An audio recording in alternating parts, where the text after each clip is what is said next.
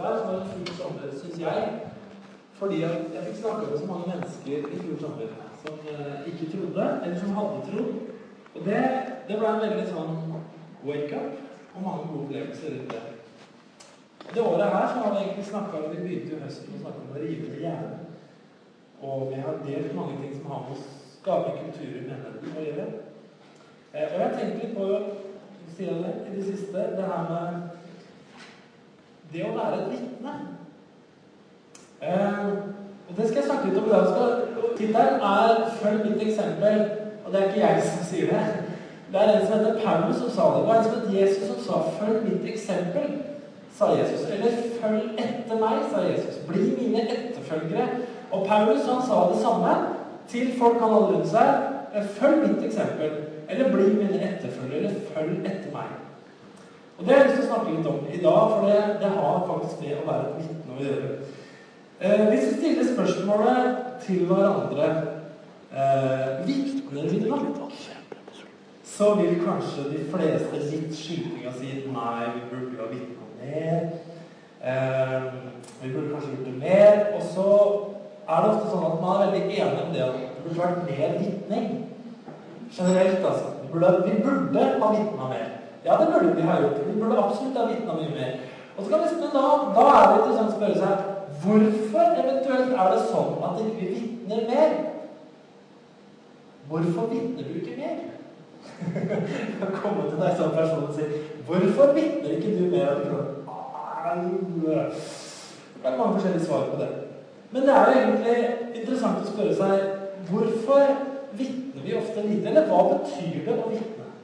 Hvordan skal vi vitne egentlig? Hva skal vi si når vi skal vitne? Hva skal vi være når vi skal vitne? Det må vi snakke litt om. Er det greit? Og Målet med det her er kanskje å prøve å få inn noen nye tanker da, rundt det her å vitne. Om det er mulig å få inn nye tanker rundt det. Eh, for det, det, som vi ikke har lyst til, er jo dårlige vitnesbyrd. Litt sånn falske vitnesbyrd. Er det noen her som har bare innrømt det? Hvor mange har sett på TV-show? Jeg mener ikke at du har sett en liksom TV-guide når det går TV-shop. Liksom, når kommer de da? Å, der! Jeg må ta opp liksom, boksen min se på sett TV-shop. Men alle har på en måte TV-shop har bare vært der i alle år etter at kabel-TV kom. Så er det TV-shop på de tider hvor det ikke er ordentlig programmer, så sendes TV-shop. Og det de selger på TV-shop, det er bl.a. sånne treningsapparater. Mange har sett en del av de treningsapparatene. Og de er fantastiske, de treningsapparatene. Fordi de blir jo bare bedre og bedre. Eh, og da For en stund siden så, så kom jeg forbi TV-shop og så litt på TV-shop. Eh, og da var det sånn der magebelte, som er noen sånne elektroniske greier som passerer magemusklene, så det gjør at du får et sånn såkalt sixpack. da. Du trener mens du ikke gjør noen ting. Eh, det er jo fint. Men det som er, det som er liksom falskt med det her, det er, det er det er de folka som, som, presenterer disse produktene. For det er gjerne en mann og en kvinne, for det skal appellere til begge kjønn. Og kvinnen hun er gjerne da utrolig liksom stæsja fra topp til tå. Alt det her. Hun er kjempetrent, hun har nesten muskler som en mann, men ikke så mye, for det blir jo litt vulgært. ikke sant? Hun har liksom drevet med fitness. Ser at det er en dame som har drevet med fitness i de siste 20 åra, og er råsprek og har sixpack. Og mannen han er nesten bodybuilder, men ikke fullt bodybuilder, for det hadde blitt litt for mye. Men han er bare super gjennomtrent, og musklene står ut overalt. Og så kommer de med disse her apparatene sine. So if you, if you buy this, your abs and your blah, blah, blah, all your muscles will just tone up, you will be fantastic. And it's so small, you can even put it under your bed. It takes no space, it's open in one second, you know, and Your life must be, going to be wonderful. Right, Bill? Yeah, I've used this a long time. Og så snakker jeg Men da, Legg merke til måten de snakker på. Det er sånn der, Ja, dette er så fantastisk. Og du vet at selvfølgelig ser jo ikke de sånn ut fordi de har brukt det apparatet. Selvfølgelig har de ikke blitt sånn fordi de bruker det apparatet. Det, det er sannsynligvis folk som har trent hardt og jevnt i treningsstudier med masse apparater. De har sikkert løpt og holdt på i 10 20 år for å se sånn ut. Og så skal de selge deg det apparatet. Og det blir så falskt. Allikevel er det noen som kjøper det. Men eh, det er allikevel sånn at det blir sånn herre ah, det, det, er for billig, altså. Det holder liksom ikke. Og hvor mange er det ikke som har kjøpt sånne apparater, og som legger dem under senga, og så blir de værende under senga? For det var ikke så fantastisk. Mange av dem gjør sikkert en grei jobb, men poenget er de menneskene som presenteres som vitner om apparatet, de har ikke blitt sånn som de er pga. det apparatet. Det er noe annet. Selv om de forteller deg at det apparatet er fantastisk. Det er på en måte et eller annet falskt med det. Det er noe som ikke helt henger på greip. Og det får vi litt forakt for. Derfor så har vi litt forakt for TV-shop, og det er ikke det vi slår opp i TV-verdenen for å finne når det går. Ting folk sier og har lært seg å si uten at det egentlig er livet deres, det blir litt klamt å forholde seg til. Som f.eks. vitning om gymapparater. Eller vitning om tro. Jeg hadde eh, Eller Katrin var det som begynte å få besøk av en hyggelig mann i mørk dress, hvit skjorte og et lite skilt på sida. Det vet dere snakker om. Det er mormonerne som er misjonærer her. Og de går sine runder, og hun, han, han ringte på hjemme hos hans Katrin var hjemme. Hun er jo hyggeligheten sjøl, selv, selvfølgelig, så hun prata en stund med han. Og han kom tilbake. Og da traff han meg, og jeg var hyggelig, jeg òg, håper jeg. Og vi prata sammen, og han hadde jo et vitnesbyrd han skulle dele med. Han skulle dele sin tro. Eh, og han hadde sine greier som han hadde lært. Og vi prata en stund, og han kom inn, og vi prata lenger, og vi prata en del bibelting og sånn, og, så, og så gikk han videre. Men neste gang han kom, så hadde han med seg en til. For nå skjønte jeg at nå skulle de sette inn støtet. Eh, og da var det også inne i stua igjen. Og han eh, Da skjønte jeg at han ene var liksom den nye som var med, han var litt mer sjef enn han andre.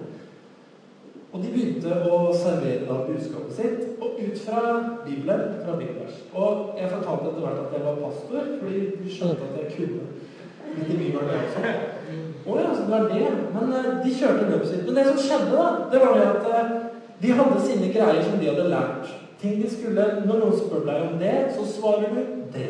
Hvis noen spør deg om det, så svarer dere det. Ikke sant?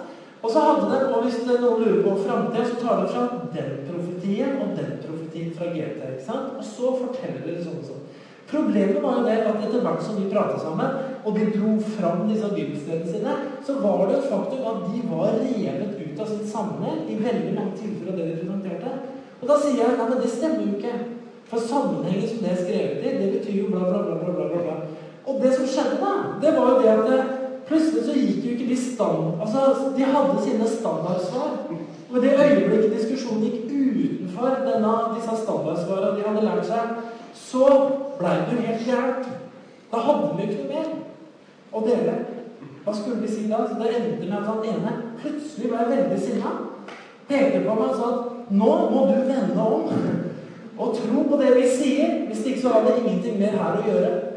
Og da tenkte jeg at det har du da ikke noe mer her å gjøre. Så da gikk de. Men det er en sånn type vitnesbyrd som vi veldig lett blir frastøtta fordi at det er noen som har lært å si noen ting. Det er noen som presenterer noe som de kanskje egentlig ikke lever. Det er dårlig vitnesbyrd, rett og slett. Eh, jeg skal gå litt videre. Jeg skal plukke opp det med vitnesbyrdet. Men i forhold til hva vi vitner om Hva kan vi som er kristne, hva kan vi egentlig forvente av livet? Kan vi som er kristne, forvente noe annet eller noe mer av livet enn de som ikke er kristne? Og det skal jeg knytte litt til vitnesbyrdet.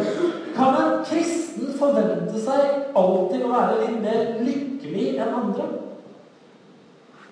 Kan du som er kristen, forvente deg å være gladere enn alle andre til enhver tid? kan vi, kan vi, som er kristne, forvente å ha et litt lettere liv enn andre? Altså et liv der ting hele tida går greit, og sklir greit og skjer enklere. Sånn som f.eks. at vi selger huset, og vi selger det med en gang vi fikk over prisantydning. Halleluja, jeg velsigna Herre. Eh, eller er det sånn at eh, når andre opplever at huset deres ble tatt i flom, kan vi forvente at huset vårt ikke blir tatt i flom? F.eks. oppe i Gudbrandsdalen. Er det kristne der som har opplevd at huset deres har blitt tatt, tatt av flom? Var det ekte kristne hvis de opplevde det? Og så videre. Kan vi liksom tenke oss at vi som er kristne, vi får igjen på skatten, mens de andre de får restskatt? Fordi vi er kristne og velsigna? Altså, hva kan vi forvente av livet, vi som er kristne? Er det sånn at det, det er sånne ting som skal være resultatet av å være kristen? Er det et godt vitnesbyrd? Er det et godt budskap? Er det det vi burde vitne om til dem som ikke tror, til de som ikke er kristne? Hvor vi kanskje forteller at eh, siden jeg er kristen og velsigna, så fikk jeg solgt huset mitt eh, over takst istedenfor under takst, sånn som naboen der borte som ikke er kristen. Eller kan det være sånn at folk som ikke er kristne, også opplever å selge huset sitt over takst? Kan til og med være noen her inne som har solgt huset under takst? Som er kristen? Jeg gjort det. Jeg har solgt huset under takst. I'm still alive. Hva er det vi vitner om? Har noen gang noen av oss som er her i det rommet her, f.eks. vært nede eller litt deprimerte, eller kanskje kjempedeprimerte? Har du kanskje opplevd tidligere i livet ditt hvor du har vært ulykkelig? Hvor det har vært vondt å leve, selv om du er kristen? Det tror jeg veldig mange kan si ja. Det har vi opplevd. Eh, ok, du er kristen, og du opplever det samme som alle andre mennesker i veldig stor grad. Hva har du da egentlig å vitne om?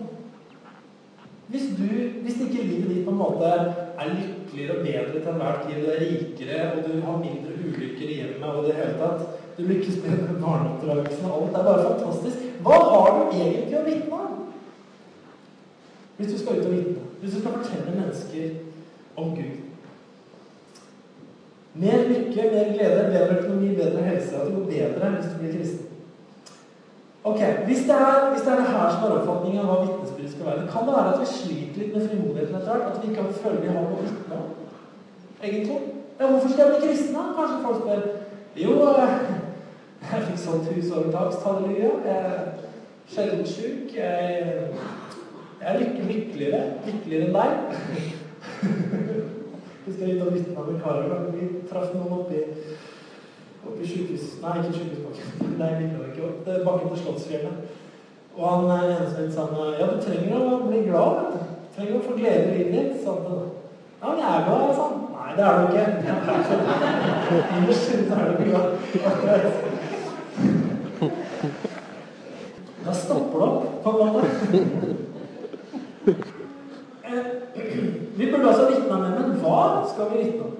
Altså, Hva handler egentlig det å vitne om? Det å vitne det er egentlig noe som er veldig naturlig. For det er noe vi gjør når det er noen som har påvirka livet vårt på en positiv måte. Så er det bare sånn at vi klarer ikke å tie stille om det. Vi vitner om det automatisk. Folk gjør det hele tida. 'Wow, jeg var på den konserten. ikke sant? Det var fantastisk.' Vi vitner uten at vi tenker på det. 'Wow, jeg så den filmen. Den burde du også se.' 'Jeg prøvekjørte den bilen. Jeg prøvde det på den dietten. Gikk ned ti kilo på én måned. Wow! Det må jeg prøve også. Ikke sant? Det går rett hjem. Jeg var i den menigheten. Jeg møtte Gud. Vitne det handler om en spontanitet, noe som skjer fordi vi har noe som berørt oss på en positiv måte. Jeg har lyst til å se litt på en som virkelig hadde hva vi kaller et effektivt vitnesbyrd. Han heter Paulus. Eh, og jeg tror det at når vi skal se på han, så er, det, så er det noen grunnleggende spørsmål vi må stille oss i forhold til det å være et vitne for Gud. Og det er sånne spørsmål som Er jeg fornøyd med livet mitt? Er jeg fornøyd med livet mitt? Vi skal lese dagens tekst, og den står i Filippebrevet. Den står egentlig Jeg over det. Filippebrevet 3.17 er dagens tekst. Det første. Hvor Paulus sier 'Følg mitt eksempel, søsken, og se opp til den som lever etter det forbildet dere har i oss'. Følg mitt eksempel, søsken. Dette er i Filippebrevet 3, og vi skal bruke tida rundt det kapitlet. Eh, I Filippebrevet 3 og fra vers 1 så skriver Paulus til menigheten Så, mine søsken, gled dere i Herren. Jeg blir ikke trøtt av å skrive det på nytt, og det skal gjøre dere trygge. Gled dere i Herren. Jeg blir ikke trøtt av å skrive det på nytt. Når Paulus skriver akkurat det her, så sitter Paulus i fengsel. Han har med andre ord omstendigheter rundt seg som ikke er veldig enkle. Jeg tror de fengslene den gangen hadde en ganske annen standard enn det vi har i norske fengsler i dag. Paulus satt i fengsel og skriver mine søsken, gled dere i Herren. Jeg blir ikke trøtt av å skrive det på nytt. Gled dere i Herren. Paulus er tydeligvis glad og fornøyd selv om han sitter i fengsel. Men hans glede det er tufta på Herren. Han er opptatt av at menigheten skal gjøre akkurat det samme. Paulus han på en måte stresser det å være glad til sine kristne venner. Og da tenker jeg, Er det en sånn slags eh, kommandogreie som eh, enkelte kanskje har vært utsatt for? Nå må du bare være glad. Nå må du bare glede deg i Herren. Nå må du liksom ta deg sammen og være glad nå, hvis du er lei deg. Jeg tror faktisk at når Paulus skriver det her, så var Paulus glad. Han hadde glede i livet sitt, og han ville at de som han skrev til, skulle oppleve det samme. Paulus, når han sier 'gled dere i Herren', så skal det kapitlet her vise seg at det står som en motsats til mye annet som Paulus har hatt som kilde til glede i livet sitt før. Paulus han skriver om, om livet sitt i dette kapitlet. Dere kan bare høre litt. Han eh, forteller om at eh, han har en bakgrunn som han eh, hadde mye glede av, som han syntes var en vinning tidligere.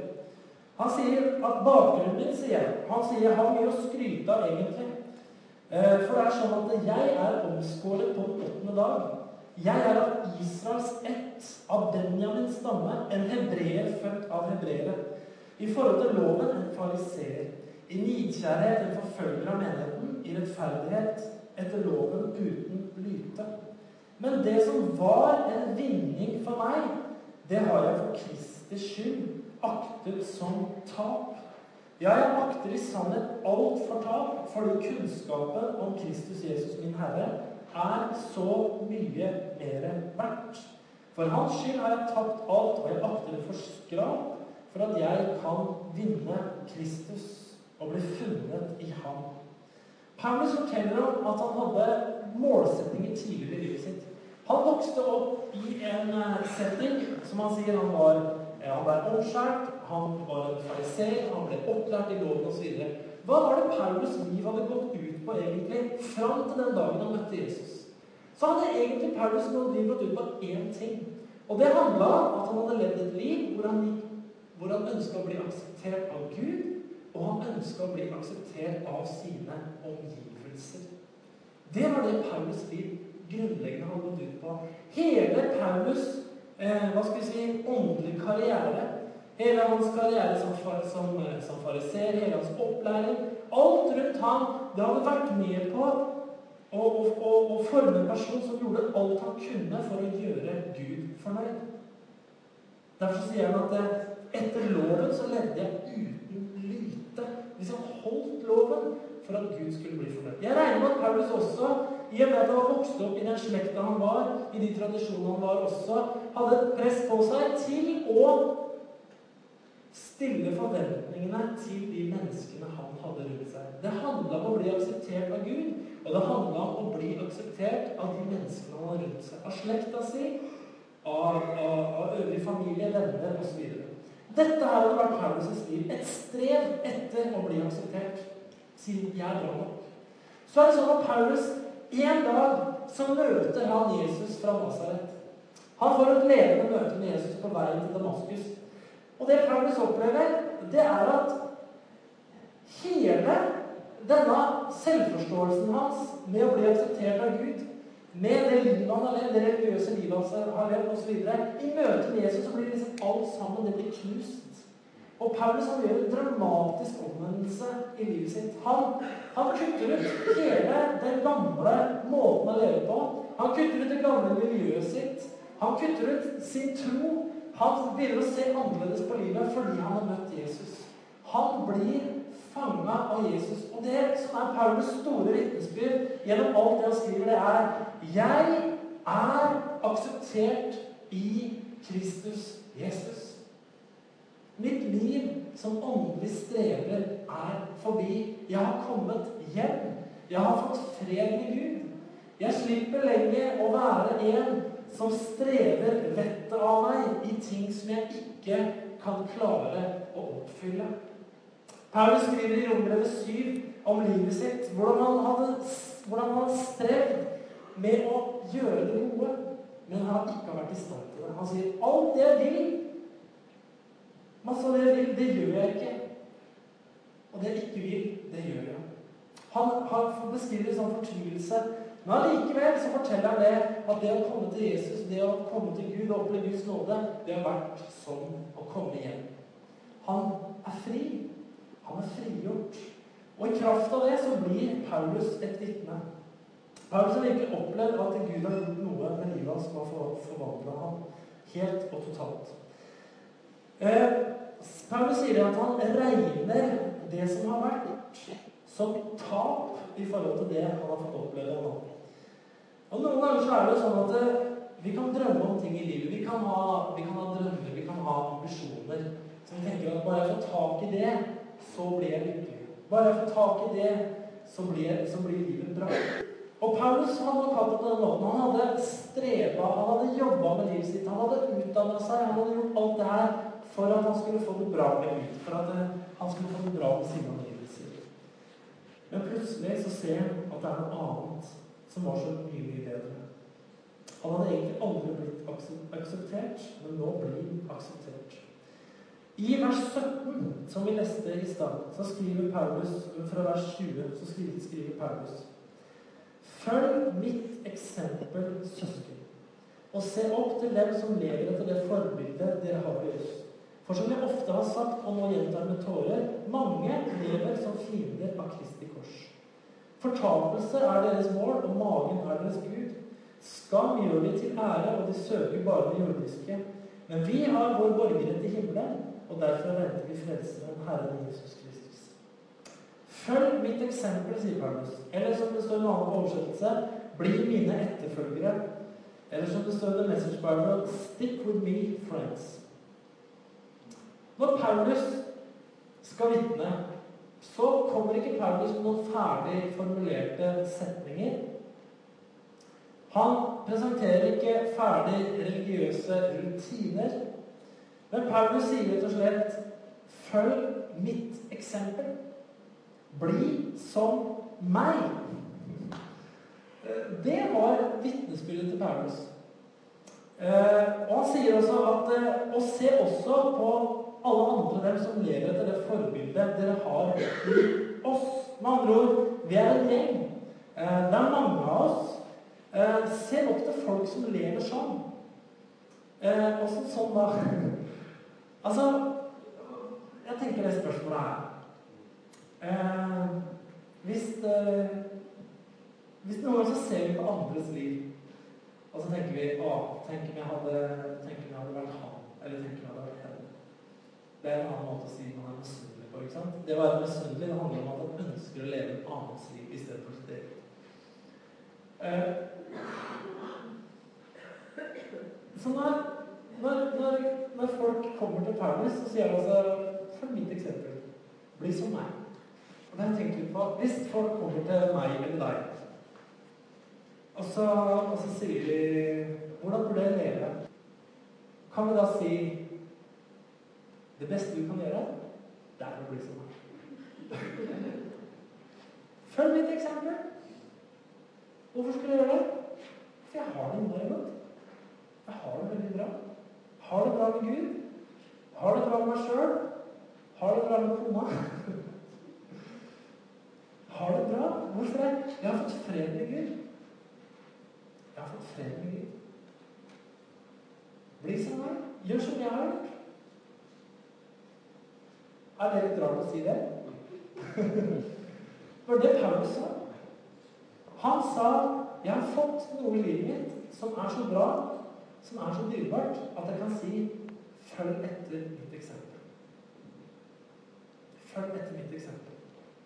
Nå vet vi at Paulus han opplevde mange omstendigheter. Han satt i fengsel og skrev det her. Han sier at han var i angst, han var i nød. Han opplevde fattigdom, han opplevde rikdom. Paulus opplevde i det hele tatt det meste du kan oppleve som menneske. men likevel så sier han 'følg etter meg', og gled deg alltid i Herren. Med andre ord, Paulus hadde fått tak i noe dypt her inne som ikke hadde noen ferdigformulerte setninger gjøre, men som hadde med at han hadde fått tak i en personlig relasjon med Jesus. Han hadde fått noe dypere i livet sitt. Han hadde blitt noen ting.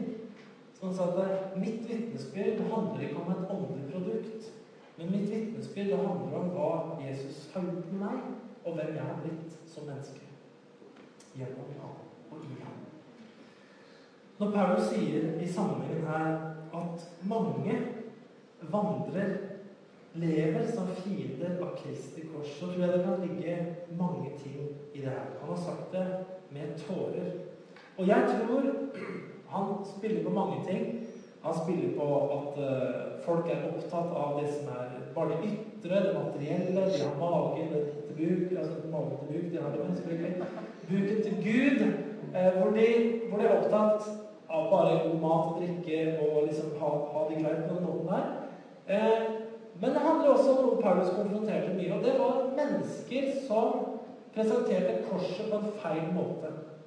Som eh, ville at mennesker skulle leve innenfor jødedommen, selv om de hadde fått et frigjørende budskap. Mennesker som ville forkynte at man måtte omskjære seg, man skulle holde loven, man skulle gjøre en hel masse ting for at Gud skulle være fornøyd. Det ble fiender av Kristi kors. Paulus skriver til korintermenigheten at jøder søker tegn, grekere søker visdom. Men vi forkynner dere Kristi kors. Kristi frigjørende kors. Det var det korset som Paulus hadde opplevd effekten av. Han hadde blitt frigjort som menneske. Han hadde fått fred med Gud. Mange ganger har vi hørt at folk kan vel merke på oss om de er kristne. Eh, å vitne om Kristus, om nødvendig med ord, var det en eller annen som sa Jeg husker ikke hvem som sa det, men eh, en kjent tidligere kirkeskikkelse sa det. Og det kan det være noe i, men jeg tror det er viktig å bruke ord, selvfølgelig. For det er vanskelig for folk å forstå hvis du ikke sier noen ting. Men det er noe med det at når mennesker kom til Jesus så hadde han noen ting å gi dem. Det var ikke sånn at Jesus gikk ut og leita etter mennesker som kunne si noe. Han hadde noe i sitt liv som gjorde at mennesker kom til Jesus. De begynte å, de begynte å prate med ham. Paulus hadde noe i sitt liv som gjorde at han fikk kontakt. Han oppsøkte mennesker, han snakka med dem. Men når det kommer til dette her med vitnesbyrdet hans, så forteller han om hva han har opplevd med Gud. Han forteller hva Gud har gjort med livet hans, og så sier han 'følg mitt eksempel', eller 'bli som meg'. Og jeg tror det at det å være fornøyd med den relasjonen du har med Gud, det er en nøkkel til å ha et vitnesbyrd. Det er det virkelig. Hvis du og jeg ikke har fred med Gud sjøl, hvordan skal vi da kunne formidle dette vitnesbyrdet her videre? Det handler om hva slags liv er det vi har med Gud. Eh, hvis du er prega av fordømmelse, hvis du er prega av en vanskelig relasjon med ditt, i ditt eget forhold til Gud, hvordan skal du da kunne formidle noens budskap til andre? Er det bra å være kristen? Ja, det er veldig bra, men jeg har så mye fordømmelse i livet mitt. Det å være vitne tror jeg handler om noe som kan være ganske naturlig. Vi kan sikkert være med mer på, vi kan sikkert være mye mer våkne, men grunnleggende så må det være noe som sitter i livet vårt, som har med at vi har blitt forvandla på innsida på en litt dypere måte. Paulus skriver igjen til denne forsamlingen Gled dere i Herren alltid. Igjen vil jeg si gled dere. Han blir ikke trøtt av å gjenta det. Vær mine etterfølgere, og følg etter meg. Har vi et vitnesbyrd i livet vårt? Og Jeg har lyst til å si noe til deg i formiddag som kanskje sliter med å ha fred med Gud. og Derfor er det veldig, veldig vanskelig å ha et vitnesbyrd. Jeg skal avslutte med å lese noe fra romerbrevet, som jeg i og for seg siterte i stad. Men Paulus skriver om kampen han opplever som kristen, tror jeg, i dette kapitlet. Jeg skal lese fra vers 19, og du skal bare høre. Det gode jeg vil, det gjør jeg ikke. Men det onde som jeg ikke vil, det gjør jeg. Men gjør jeg det jeg ikke vil, da er det ikke lenger jeg som gjør det, men synden som bor i meg. Jeg finner altså en lov for meg, jeg som vil gjøre det gode, at det onde ligger meg for hånden. For etter glede, nei, for etter mitt indre menneske slutter jeg meg med glede til Guds lov. Men i mine lemmer ser jeg en annen lov, som strider mot loven i mitt sinn, og som tar meg til fange under syndens lov, som er i mine ledd. Jeg elendig menneske, hvem skal fri meg fra dette dødens legeme? Gud være takk ved Jesus Kristus, vår Herre. Jeg, som jeg er, tjener da Guds lov med mitt sinn, men syndens lov med mitt kjøp. Og så vers 1 i kapittel 8. Så er det da ingen fordømmelse for dem som er i Kristus Jesus. For livets ånds lov har i Kristus Jesus frigjort meg fra syndens og dødens lov. Hva er det Paulus, hva er det Paulus beskriver her fra sitt eget liv? Beskriver han egentlig å ha fred? Det høres ikke sånn ut. Han, han beskriver en kamp som han har på innsida, hvor han sier at uh, det gode jeg vil, det gjør jeg ikke, men det onde jeg ikke vil, det gjør jeg. Og det er fordi at vi mennesker som er frelst, vi har fått et nytt liv på innsida. Men allikevel så har vi det jordiske med oss. Vi har den her jordiske kroppen som en dag skal dø og legges ned. Og Derfor er det sånn at vi har noe som heter kjød. Vi har i oss en kamp mellom kjødet og ånden, og det har vi alle sammen. Og Derfor er det sånn noen ganger at vi opplever den kampen her som vanskelig. Med at det gode som jeg vil, det gjør jeg ikke. Men det onde som jeg ikke vil, det gjør jeg. Og så opplever vi det at vi er i konflikt med oss sjøl, som Paulus beskriver her. Og så er vi i konflikt med Gud, opplever vi. Men hør, da. Nåden er større enn vårt kjød. Nåden er større enn den konflikten som du og jeg kan oppleve i den spenningen der. Derfor så sier Paulus at han opplever at det er liksom to lover som virker i livet hans. Den ene loven sier han i vers 22 For etter mitt indre menneske så slutter jeg meg med glede til Guds lov, eller til det som jeg vet Guds, er Guds vei og Guds standard og Guds vilje. Men i min kropp så ser jeg en annen lov som strider mot loven i mitt sinn, og som tar meg til fange. Så sier han meg elendig menneske, hvem skal fri meg fra dette dødens legeme? Hvordan skal jeg komme løs av det her? Hvordan skal jeg få fred med Gud egentlig? Når jeg opplever sånne ting? Hvordan kan jeg være et vitne når jeg har det sånn på innsida sjøl noen ganger? Hør nå. Paulus løsning er at han på en måte han innfinner seg med at sånn er det å være menneske.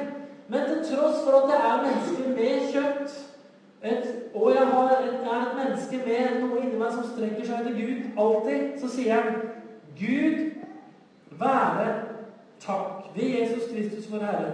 Jeg som jeg er, sånn som jeg er med disse kampene, med disse brytningene, med denne, denne striden noen ganger. Sånn som jeg er.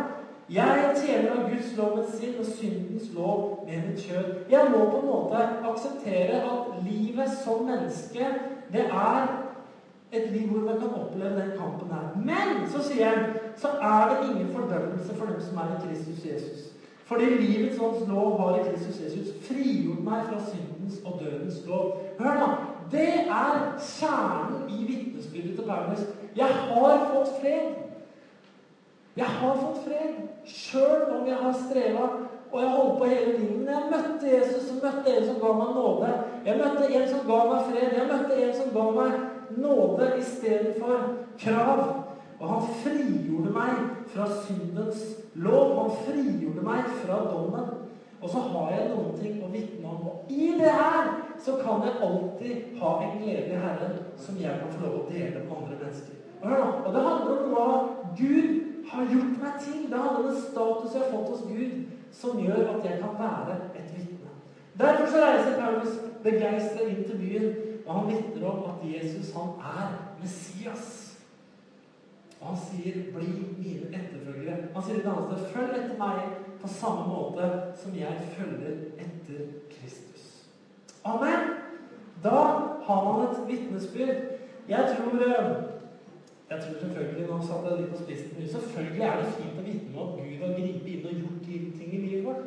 Han kan gjøre økonomiske mirakler, helsemessige mirakler, relasjonelle mirakler. Bibelen er full av sånne typer vitnesbyrd. Folk som fortalte om det. Men grunnleggende i livet så kan det også være sånn at vi må spørre oss har vi et liv hvor vi har fått fred med Gud.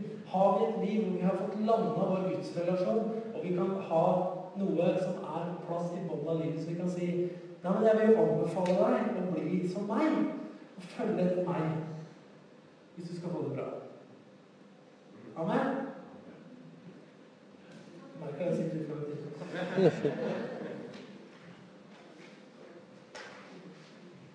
Det er Guds sønn. Jeg har lyst til eh, Jeg har lyst til at vi skal reise oss. Vi skal be sammen. Jeg har lyst til at uh, vi tar hendene på hverandre hvis det har lyst til å mulighet. Ta, ta tak i hånda på den som står ved siden. Tenk på det at uh, vi er alle ved én kropp i Kristus. Uh, vi står alle under den samme nåden. Vi har alle det samme Jesu blod som har renset oss fra synd. Og Gud han gjør ikke forskjell på folk. Og Derfor har jeg lyst til å be med oss du tenke at uh, Ofte så tenker vi kanskje at han som står ved siden av meg, er mye mer rettferdig enn jeg. Men Gud han har rettferdiggjort alle. Og akkurat nå så har jeg lyst til at vi ber sammen. Og så skal du som står her i dag, som kanskje tenker at jeg har, jeg har ikke noe vitne om fordi at jeg, jeg sliter egentlig veldig mye med Gud i mitt eget liv. Så skal du ta, skal du ta sånn be sammen. Og så skal du få lov å slippe tak i den fordømmelsen, sånn at du kan være et vitne for Gud. Gud være takk ved Jesus Kristus, vår Herre. Jeg som jeg er, tjener da Gud. Herre, vi takker deg for at vi kan stå sammen som ett legeme, Herre. Takk, Herre Jesus, for at når du ser oss, så ser du en og en av oss. Men du ser oss også som din brud. Du ser oss også som din menighet. Du ser oss også som din kropp her på jorda, Herre. Jeg takker deg, Jesus Kristus, for at den kroppen har ulike lemmer. Takk, Herre, for at det er det samme livet som flyter gjennom hele kroppen. Herre, takk for at ingen kroppsdel, ingen legemsdel, er dårligere eller sett ned på. Men Herre, du sier tvert imot at den, de, de delene som synes minst viktige, de er de viktigste, Herre. Derfor takker jeg deg, Jesus, at vi ikke skal se ned på oss sjøl. At ikke vi skal se ned på vårt eget liv, men at vi kan få lov å ta imot din nåde og sette pris på den vi er. Jeg takker deg, Jesus, at uansett hvilke kamper vi måtte oppleve, vi som står her nå, så er det sånn at vi har fått mulighet til å tjene deg sånn som vi er. Jeg takker deg, Jesus Kristus, for at vi kan få lov å være vitner ut fra at du har gjort noe inni livet våre. Og at all fordømmelse kan være brutt i Jesu mektige navn. Jeg kjenner på å si at jeg tror det er noe i dette rommet Du har slitt forferdelig mange år med bølger av fordømmelse i livet ditt. Men hør en dag, og den dagen kan være i dag, så kan du si til Herren Takk, Herre, for at jeg har fått evig fred med deg. Takk, Herre, for at jeg har fått evig fred med deg gjennom Jesu blod. Herren vil oppmuntre deg i formiddag, tror jeg, til å ta imot kraften i Jesu blod. Du har blitt tilgitt. Du har fått nåde. Du har fått tilgivelse. Du har blitt gjort rettferdig. Og sånn som du er, kan du være et vitne. Sånn som du er, så kan du ha fred med Gud, og du kan få lov å leve videre. Herre Jesus, vi takker deg for at vi kan få lov å gå inn i denne sommeren med et liv som er i fred med deg, Herre. Og vi ber om at vi skal få mange muligheter til å dele tro på deg med mennesker vi treffer langs veien. I Jesu mektige navn. I Jesu mektige